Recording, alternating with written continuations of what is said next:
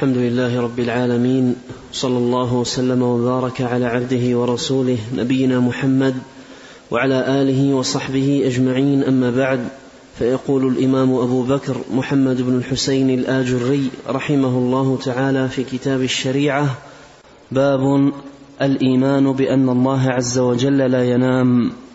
قال الله عز وجل الله لا إله إلا هو الحي القيوم. لا تأخذه سنة ولا نوم. الآية وأخبرنا النبي صلى الله صلى الله عليه وسلم أن الله عز وجل لا ينام ولا ينبغي له أن ينام. قال حدثنا أحمد بن يحيى الحلواني قال حدثنا محمد بن الصباح قال حدثنا أبو معاوية قال حدثنا الأعمش عن عمرو بن مرة عن أبي عبيدة عن أبي موسى رضي الله عنه قال قام فينا رسول الله صلى الله عليه وسلم بخمس كلمات فقال إن الله عز وجل لا ينام ولا ينبغي له أن ينام ولكنه يخفض القسط ويرفعه يرفع إليه عمل الليل قبل عمل النهار ويرفع إليه عمل النهار قبل عمل الليل حجابه النار أو قال النور لو كشفها لأحرقت سبحات وجهه ما انتهى إليه بصره من خلقه. قال وحدثنا أبو قاسم بن زكريا المطرز قال حدثنا الفضل بن سهل الأعرج قال حدثنا أبو عاصم عن سفيان يعني الثوري عن عمرو بن مرة عن أبي عبيدة عن أبي موسى الأشعري رضي الله عنه قال قام فينا رسول الله صلى الله عليه وسلم بأربع. قال إن الله عز وجل لا ينام ولا ينبغي له أن ينام. يرفع القسط ويخفض به. يرفع إليه عمل الليل قبل عمل قبل النهار وعمل النهار قبل الليل. حجابه النور. لو كشفها لأحرقت سبحات وجهه كل من أدرك بصره.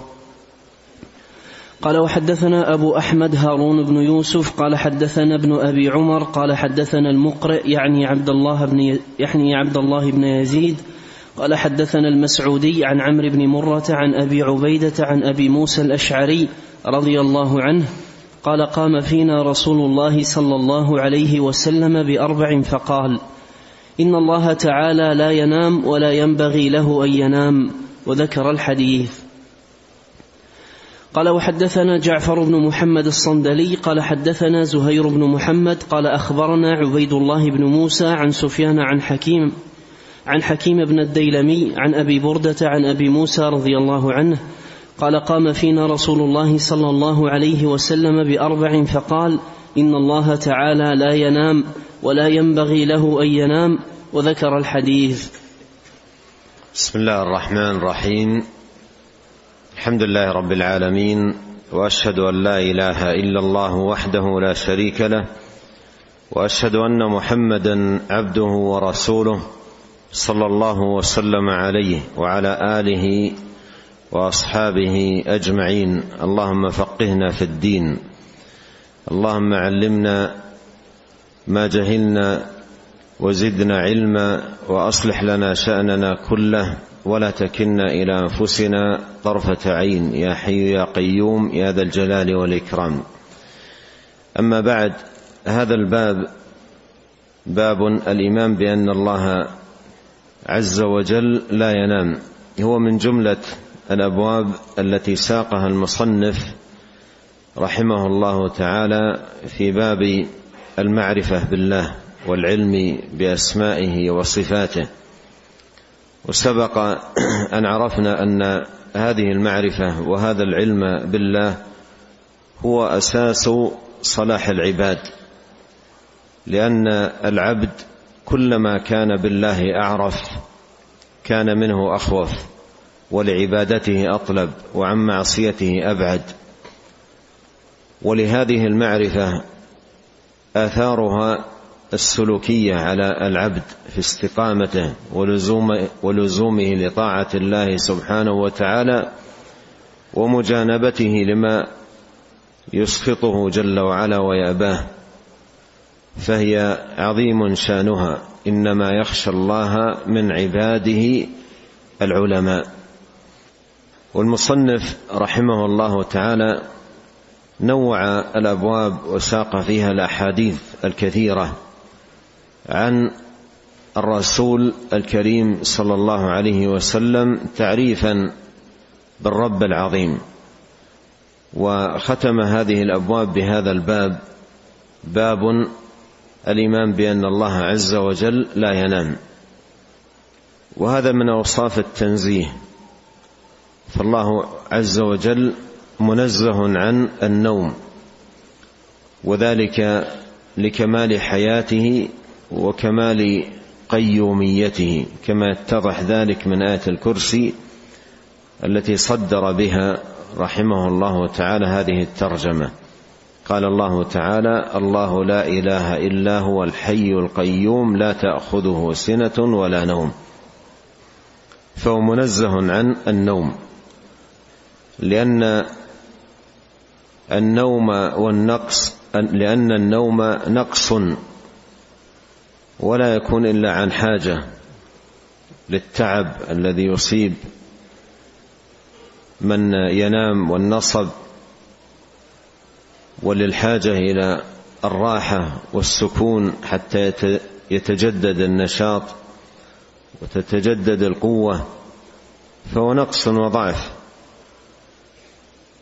والله سبحانه وتعالى منزه عن النقائص لا شريك له. سبحانه وتعالى منزه عن النقائص والعيوب وصفاته كلها كاملة.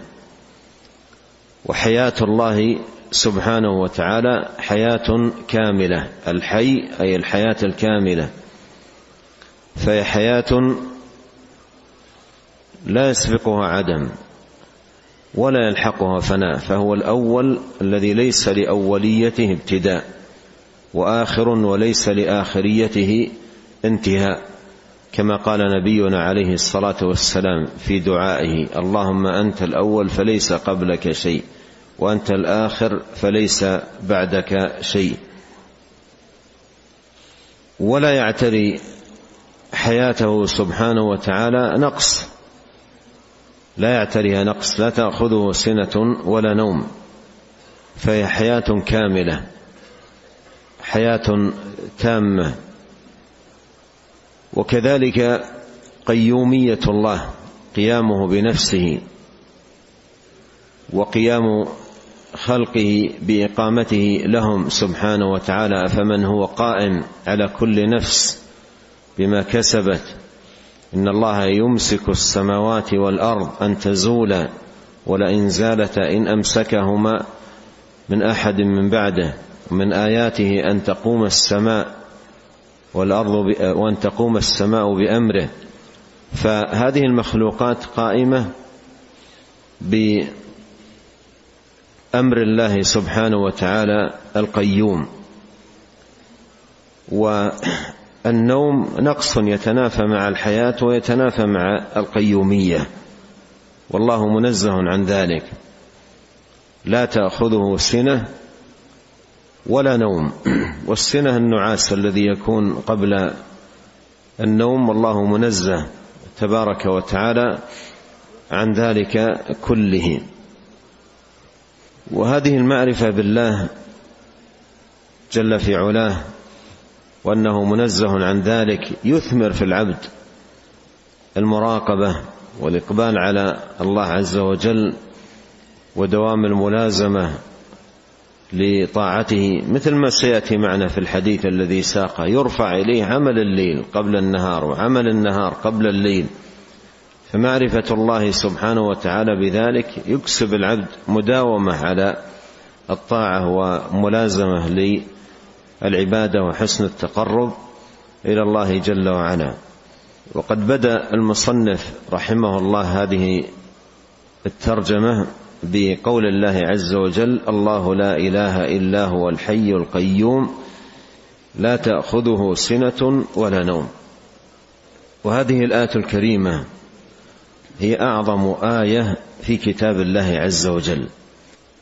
وذلك لأنها أخلصت للتعريف بالرب وبيان عظمته ووجوب توحيده وإخلاص الدين له وذكر البراهين والدلائل على ذلك.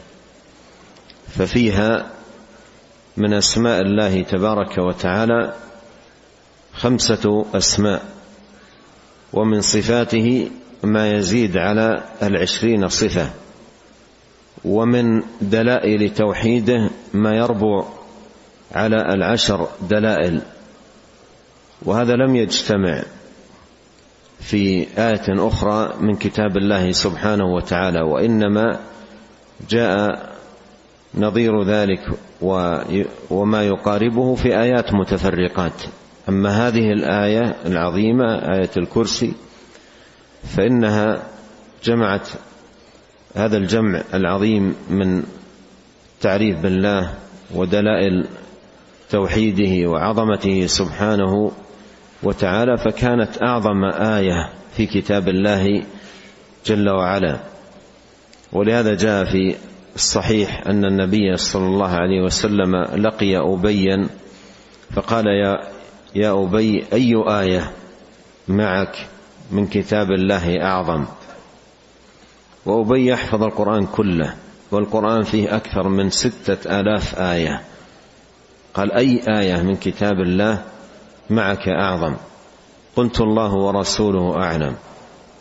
قال يا أبي أي آية معك من كتاب الله أعظم؟ أعاد عليه الصلاة والسلام السؤال. ففهم أبي أن هذا إذن إذن له بالاجتهاد في معرفة جواب هذا السؤال بين يدي النبي عليه الصلاة والسلام. فقال على الفور رضي الله عنه آية الكرسي الله لا إله إلا هو الحي القيوم. قال فضرب النبي عليه الصلاة والسلام بيده على صدري وقال ليهنك العلم يا أبا المنذر. أي هنيئا لك هذا العلم. الذي ساقه الله إليك ووفقك لتحصيله ليهنك العلم يا أبا المنذر. وأبي رضي الله عنه لما أذن له النبي صلى الله عليه وسلم بين يديه أن يجتهد في تعيين هذه الآية لم يذهب ذهنه إلا إلى آيات التوحيد لأن التوحيد هو أعظم شيء في كتاب الله. ثم أتى إلى هذه الآية التي أجمع آيات التوحيد تعريفا بالرب وبيانا عظمته سبحانه وتعالى وذكرا لأسمائه وصفاته وبيانا لدلائل توحيده ووجوب إخلاص الدين له. فهي أجمع آية في في هذا الباب. فعينها رضي الله عنه فهنأه النبي عليه الصلاة والسلام. وهذا يستفاد منه مكانة التوحيد في قلوب الصحابة رضي الله عنهم. وإدراكهم أن التوحيد هو أعظم المطالب وأجل المقاصد على الإطلاق. وفي هذه الآية الكريمة آية الكرسي هذا الوصف لله عز وجل لا تأخذه سنة ولا نوم. وموطن الشاهد للترجمه لا تأخذه سنة ولا نوم أي أنه منزه عن ذلك. جل في علاه لكمال آه، حياته وكمال قيوميته سبحانه وتعالى. ثم ساق رحمه الله حديث أبي موسى الأشعري رضي الله عنه. قال قام فينا رسول الله صلى الله عليه وسلم بخمس كلمات. قام فينا أي خطيبا. قام فينا أي قام على قدميه في الصحابة رضي الله عنهم خطيبا معلما. قال بخمس كلمات.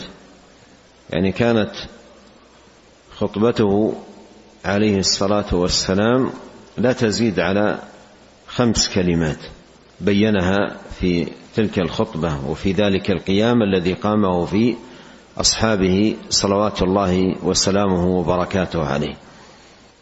وقوله خمس كلمات هذا فيه ضبط للكلمات التي سمعها من النبي صلوات الله وسلامه وبركاته عليه.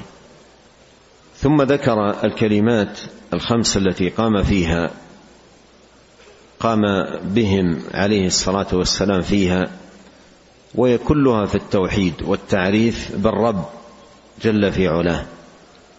وهذا يستفاد منه أن مقام التوحيد مقام عظيم يحتاج إلى علماء صادقين يقفون مواقف عظيمة في بيانه من خلال الدروس والخطب والمؤلفات حتى يعرف الناس ربهم ويحقق التوحيد له ويخلص دينهم له سبحانه وتعالى.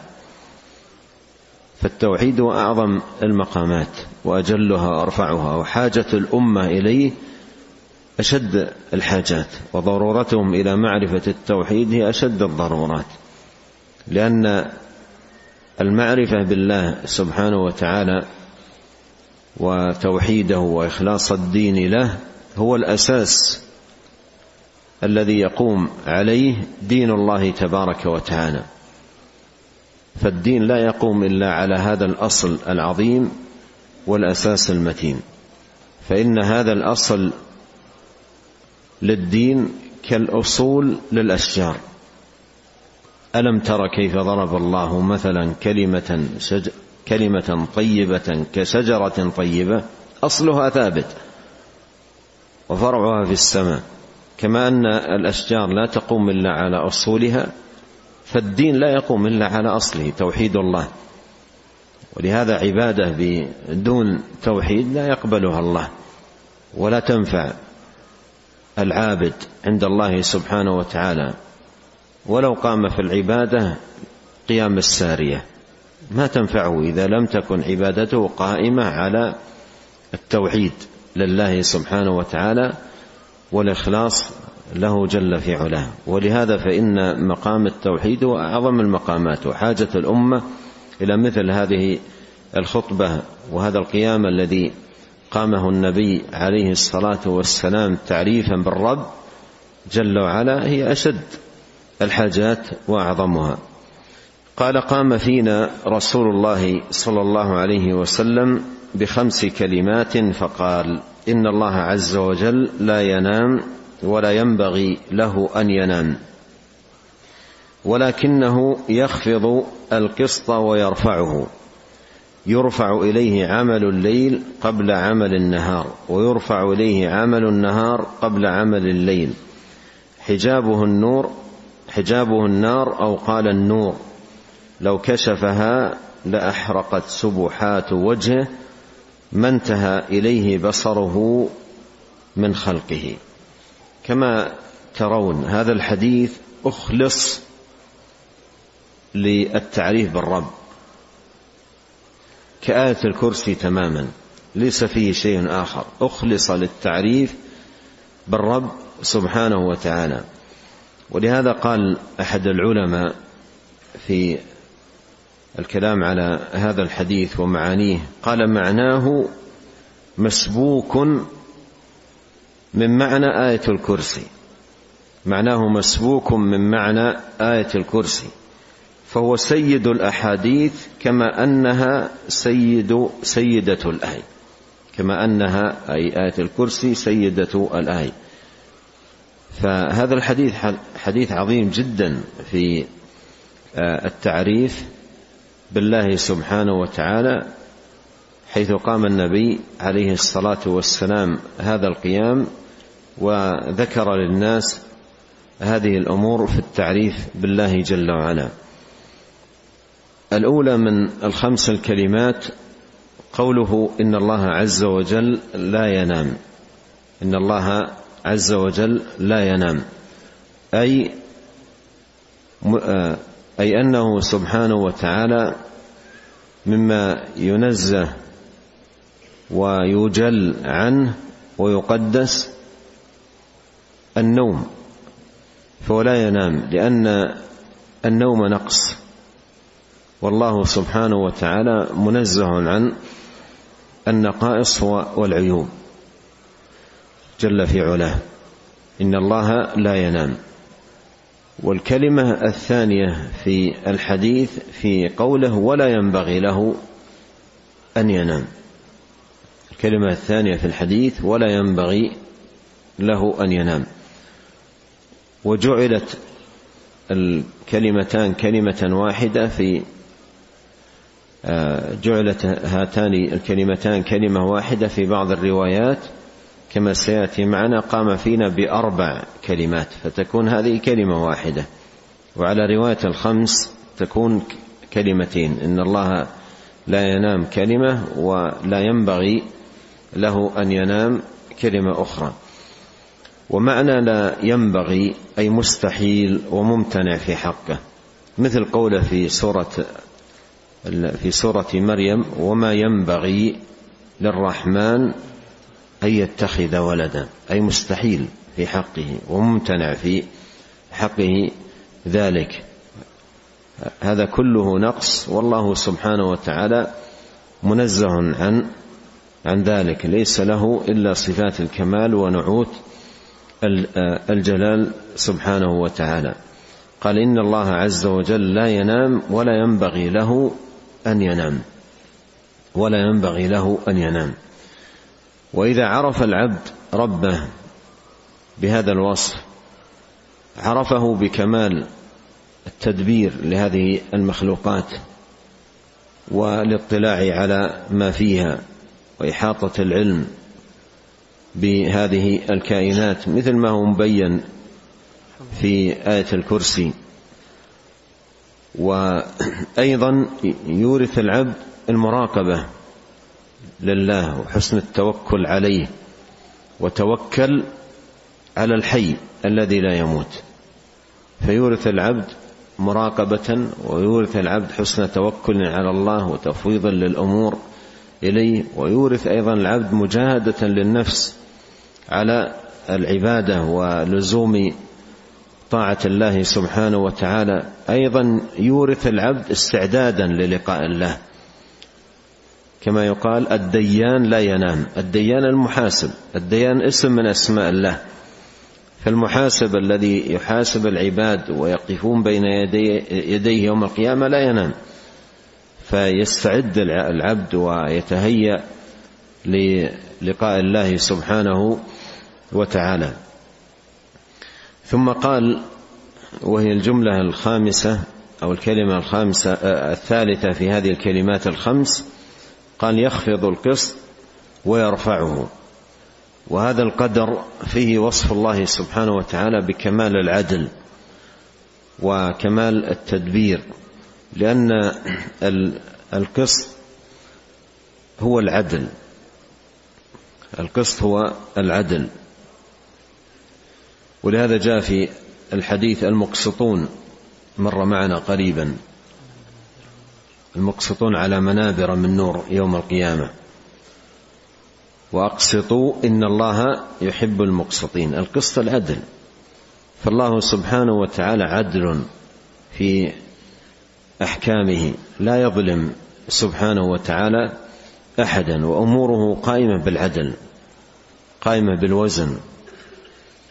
وما ننزله إلا بقدر معلوم. ما اموره كله قائمة بالعدل قائمة على الإنصاف جعل الأمور في مواضعها. قال يخفض القسط ويرفعه. ثم الجملة الرابعة قال يرفع إليه عمل الليل قبل النهار وعمل النهار قبل الليل. أي أن أعمال العباد ترفع إليه سبحانه وتعالى اولا بأول قبل انقضاء النهار يرفع إليه عمل النهار وأيضا الليل مثل ذلك.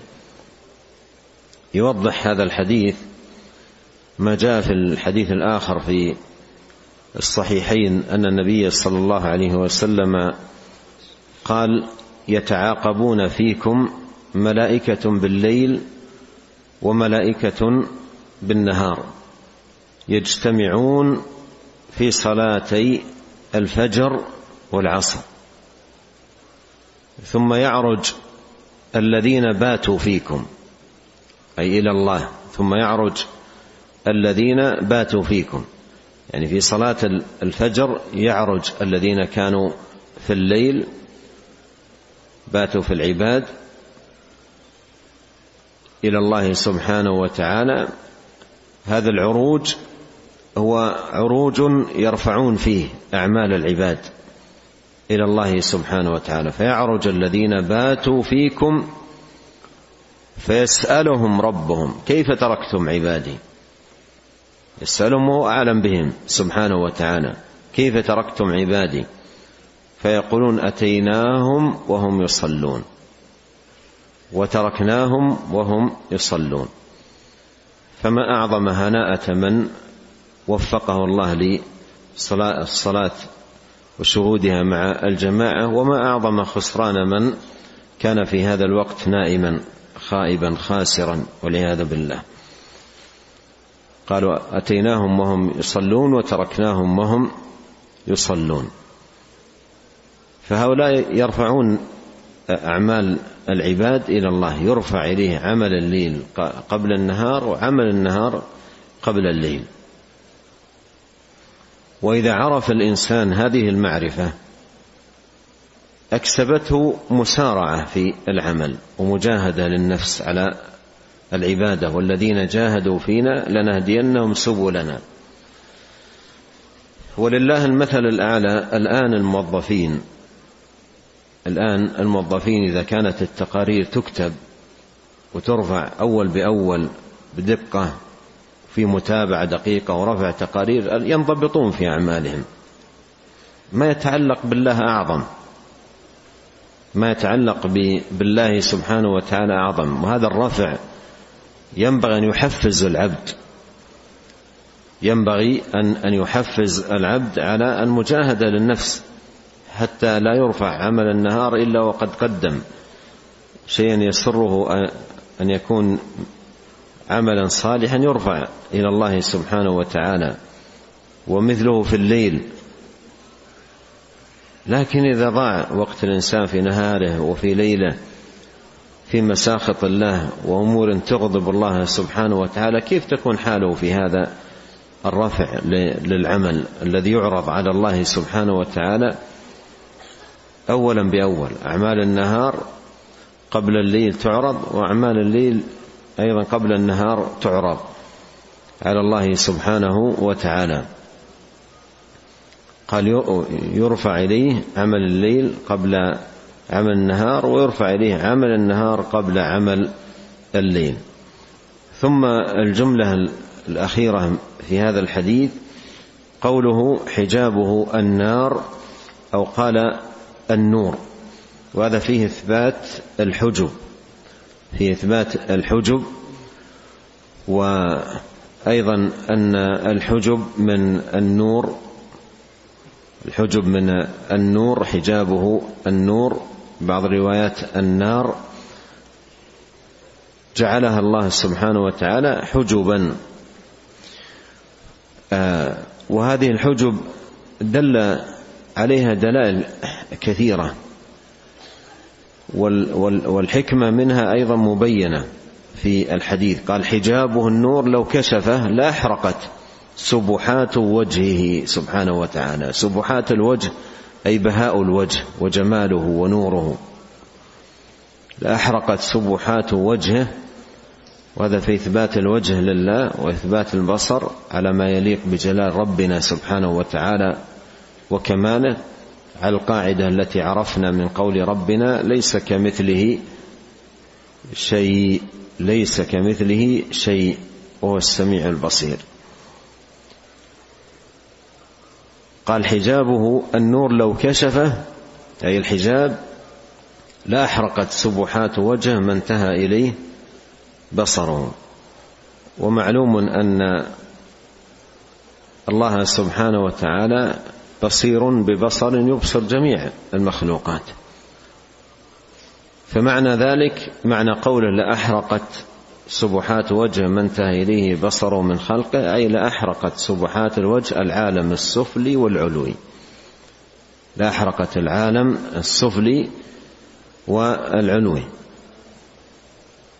لكن يوم القيامة لكن يوم القيامة يجعل الله سبحانه وتعالى لأهل الإيمان قوة وقدرة وتمكنا من الرؤية رؤية الله سبحانه وتعالى. ولهذا يوم القيامة تكشف الحجب لأهل الإيمان مثل ما جاء في صحيح مسلم. قال إذا إذا دخل أهل الجنة الجنة يقول الله سبحانه وتعالى هل تريدون شيئا أزيدكم. فيقولون ألم تدخلنا الجنة؟ ألم تنجنا من النار؟ ألم تبيض وجوهنا؟ قال فيكشف الحجاب.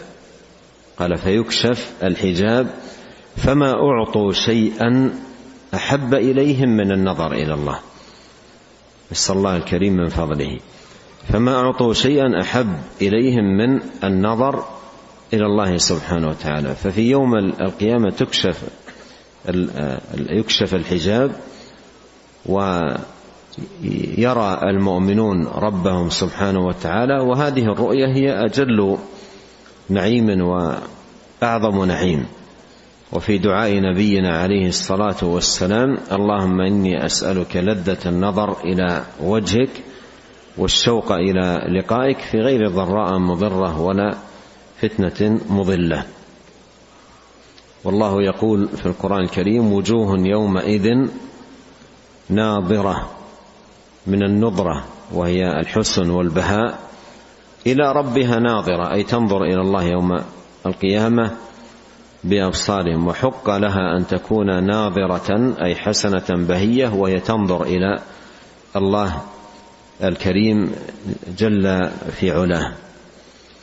الحاصل أن هذا الحديث حديث عظيم جدا في التعريف بالله سبحانه وتعالى حتى إن أحد العلم أحد أهل العلم كما تقدم لعظم شأن هذا الحديث في بابه وصفه بأنه سيد الأحاديث. نعم. قال رحمه الله تعالى وحدثنا جعفر الصندلي قال حدثنا زهير قال أخبرنا عبيد الله بن موسى عن إسرائيل عن منصور عن ربعي بن حراش عن خرش عن خرشة بن الحر قال دخلت على عبد الله بن سلام فانقبض مني حتى انتسبت له فعرفني فقال والله لا أحدث بشيء إلا وهو في كتاب الله عز وجل إن موسى عليه السلام دنا من ربه عز وجل حتى سمع صريف الأقلام فقال يا جبريل هل ينام ربك؟ قال جبريل يا رب يسألك هل تنام؟ قال يا جبريل أعطه قارورتين فليمسكهما الليلة لا ينام. فأعطاه فنام فاصطدمت القارورتان فانكسرتا فقال يا رب قد انكسرت القارورتان. فقال يا جبريل إنه لا ينبغي لي أن أنام. ولو نمت لزالت السماوات والأرض. نعم هذا الخبر الذي ختم به رحمه الله تعالى الشأن فيه كما قال الإمام ابن كثير رحمه الله تعالى في كتابه التفسير. قال هو من أخبار بني إسرائيل. ومما يعلم أن موسى عليه السلام لا يخفى عليه مثل هذا من أمر الله عز وجل وأنه منزه عنه. وموسى عليه السلام من أولي العزم من الرسل. فلا يخفى عليه مثل هذا الأمر بأن يسأل مثل هذا السؤال هل ينام ربك؟ وشأنه عليه السلام أعظم في المعرفة بالله سبحانه وتعالى من أن يسأل سؤالا هذا فحواه هل ينام ربك؟ فهو من أخبار بني إسرائيل وموسى عليه السلام كما قال الإمام بن كثير رحمه الله تعالى لا يخفى عليه مثل هذا الأمر من أمر الله سبحانه وتعالى. لكن جاء الخبر في بعض المصادر في تفسير ابن أبي حاتم كما ذكر ذلك ابن كثير أن بني إسرائيل قالوا يا موسى هل ينام ربك؟ أن أن بني إسرائيل قالوا لموسى هل ينام ربك؟ فقال اتقوا الله. فناداه ربه عز وجل يا موسى سألوك هل ينام ربك؟ فخذ زجاجتين. أي كما جاء في هذا الخبر فخذ زجاجتين وتمسك الزجاجتين ليلة. فإذا أمسك المرء بالزجاجتين ليلة سينام وتصطدم إحداهما بالأخرى فتنكسران. فقال فخذ زجاجتين وذكر بنحو ما جاء في هذا الخبر الذي عندنا. وهذا كما ذكر الألباني رحمه الله تعالى في آه، في في كلامه على هذا الحديث في السلسلة الضعيفة. ذكر رحمه الله أن هذا هو الأشبه. ذكر رحمه الله تعالى أن هذا هو الأشبه أن أن يكون السائل من بني إسرائيل. لا أن يكون لا أن يكون السائل آه، هو موسى عليه السلام وإنما السائل بني إسرائيل وليس بغريب عليهم أن يسألوا مثل هذا وقد قالوا أرنا الله جهرة. فلا يستغرب منهم يقول الشيخ رحمة الله عليه لا يستغرب منهم هذا السؤال. فالخبر يعني فيه نكارة خبر منكر قد حكم عليه بالنكارة يعني جمع من أهل العلم لكن بهذا السياق الذي آه، أورده ابن كثير من حديث ابن عباس موقوفا عليه يتناسب مع من حكي عنهم هذا الخبر وهم بنو إسرائيل. أما موسى عليه السلام فمقامه في المعرفة بالله سبحانه وتعالى أعظم من هذا. نعم.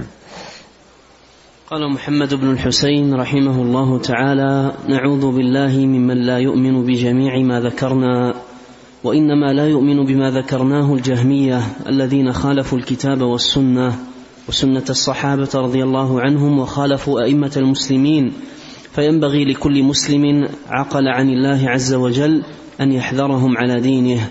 قال ابن المبارك رحمه الله إنا لا نستطيع أن نحكي كلام اليهود والنصارى ولا نستطيع أن نحكي كلام الجهمية. تم الجزء الثامن من كتاب الشريعة بحمد الله ومنه وصلى الله على رسوله سيدنا محمد النبي وآله وسلم. ويتلوه الجزء التاسع من الكتاب إن شاء الله تعالى وبه الثقة. نعم ختم رحمه الله تعالى هذا الباب بهذا التعود تعوذ بالله سبحانه وتعالى ممن لا يؤمن بجميع ما ذكرنا. لأن عدم الإيمان بأحاديث الرسول عليه الصلاة والسلام ولو حديثا واحدا هذا من الضلال. من الضلال الذي يتعوذ بالله سبحانه وتعالى به. فالمسلم يتعوذ بالله من الضلال ومن سبيل من سبيل أهل الضلال. وفي دعاء الفاتحة اهدنا الصراط المستقيم صراط الذين أنعمت عليهم غير المغضوب عليهم ولا الضالين.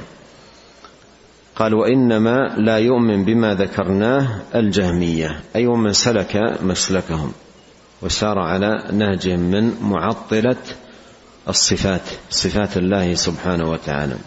الذين خالفوا الكتاب والسنة وسنه الصحابة رضي الله عنهم وخالفوا أئمة المسلمين فينبغي لكل مسلم عقل عن الله عز وجل أن يحذرهم على دينه أي أن يكون على أشد ما يكون من الحذر منهم لا مجالسة ولا قراءة لكتبهم ولا سماعا لأقاويلهم لأنها أقاويل ضلال وكلمات باطل. ثم ختم رحمه الله تعالى بهذا الأثر عن عبد الله بن المبارك رحمه الله تعالى قال إن لا نستطيع أن نحكي كلام اليهود والنصارى ولا نستطيع أن نحكي كلام الجهمية. هذا خرج مخرج التقبيح لكلام الجهمية وأنه في غاية الفحش وشدة الشناعة. فقال ذلك محذرا رحمه الله تعالى من كلام الجهمية القائم على التعطيل لصفات ربنا سبحانه وتعالى. نسأل الله الكريم أن ينفعنا أجمعين بما علمنا وأن يزيدنا علما وأن يصلح لنا شأننا كله وأن يهدينا إليه صراطا مستقيما وأن يغفر لنا ولوالدينا ولمشايخنا ولولاة أمرنا وللمسلمين والمسلمات والمؤمنين والمؤمنات الأحياء منهم والأموات. اللهم آت نفوسنا تقواها وزكها أنت خير من زكاها أنت وليها ومولاها. اللهم اقسم لنا من خشيتك ما يحول بيننا وبين معاصيك ومن طاعتك ما تبلغنا به جنتك ومن اليقين ما تهون به علينا مصائب الدنيا. اللهم متعنا بأسماعنا وأبصارنا وقوتنا ما أحييتنا واجعله الوارث منا واجعل ثأرنا على من ظلمنا وانصرنا على من عادانا ولا تجعل مصيبتنا في ديننا ولا تجعل الدنيا أكبر همنا ولا مبلغ علمنا ولا تسلط علينا من لا يرحمنا. سبحانك اللهم وبحمدك أشهد أن لا إله إلا أنت أستغفرك وأتوب إليك.